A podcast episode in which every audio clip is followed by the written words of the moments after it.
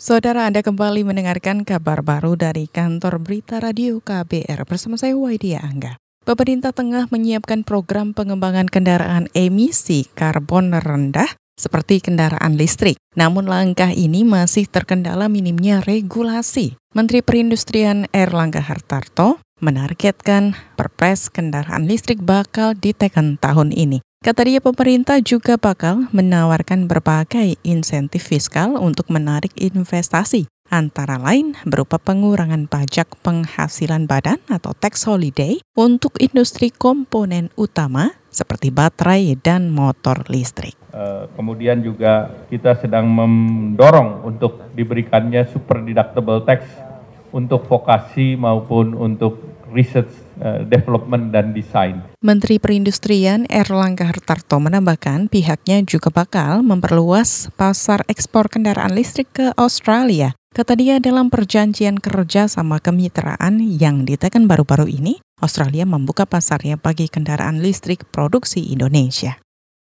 Beralih ke Jawa Timur, jumlah petugas pemilu di Jawa Timur yang meninggal dunia terus bertambah. Hingga Kamis sore tercatat 46 petugas meninggal dan 260-an lainnya masih dirawat di rumah sakit. Komisioner KPU Jawa Timur Rohani mengatakan penyebab kematian mayoritas karena kelelahan akibat jam kerja yang panjang. Iya, Bu. dari PPS-nya 5 orang, KPPS-nya 22, Linmas 17, tenaga sekretariat 2, jumlah 46 ya. Komisioner KPU Jawa Timur Rohani menambahkan di antara petugas yang masih dirawat, ada yang menderita stroke, keguguran, dan terluka akibat kecelakaan. Terkait pemberian santunan, KPU Jatim telah menyerahkan data tentang para petugas tersebut kepada Gubernur Kofifah Indar Parawansa.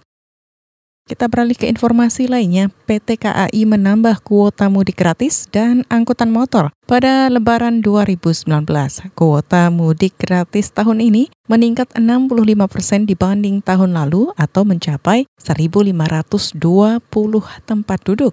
Adapun yang untuk angkutan motor gratis kuotanya pun bertambah menjadi 18.000 unit. Dirut PT KAI Edi Sukmoro mengatakan penambahan kuota ini untuk memenuhi kebutuhan masyarakat yang meningkat tiap tahun. Hal itu juga bertujuan untuk mengurangi jumlah kecelakaan.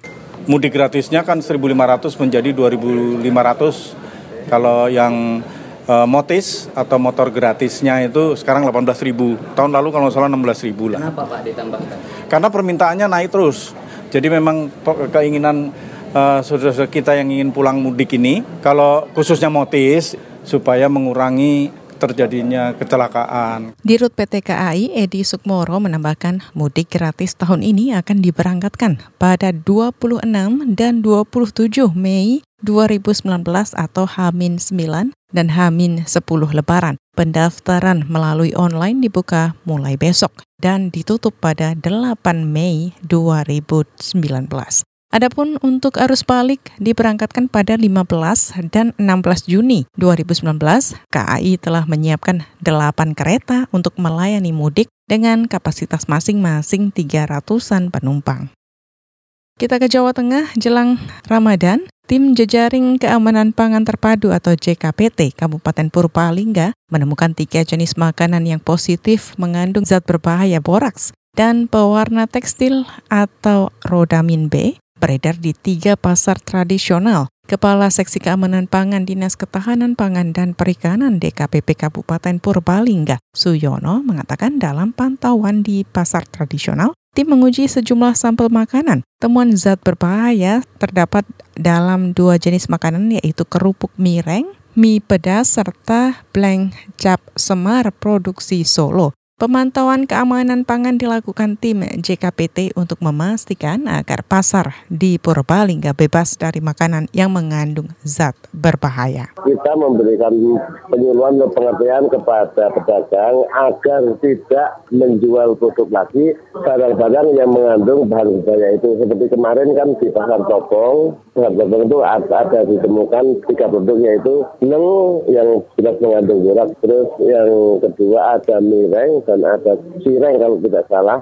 itu mengandung rodamin B. Kepala Seksi Keamanan Pangan Kabupaten Purbalingga Suyono mengatakan tim JKPT sementara ini masih melakukan pendekatan persuasif kepada penjual makanan. Selanjutnya, sampel makanan yang terbukti mengandung rodamin B dan boraks disita dan akan dilaporkan ke Dewan Ketahanan Pangan. Saudara demikian kabar baru dari KBR, saya Waidia Angga.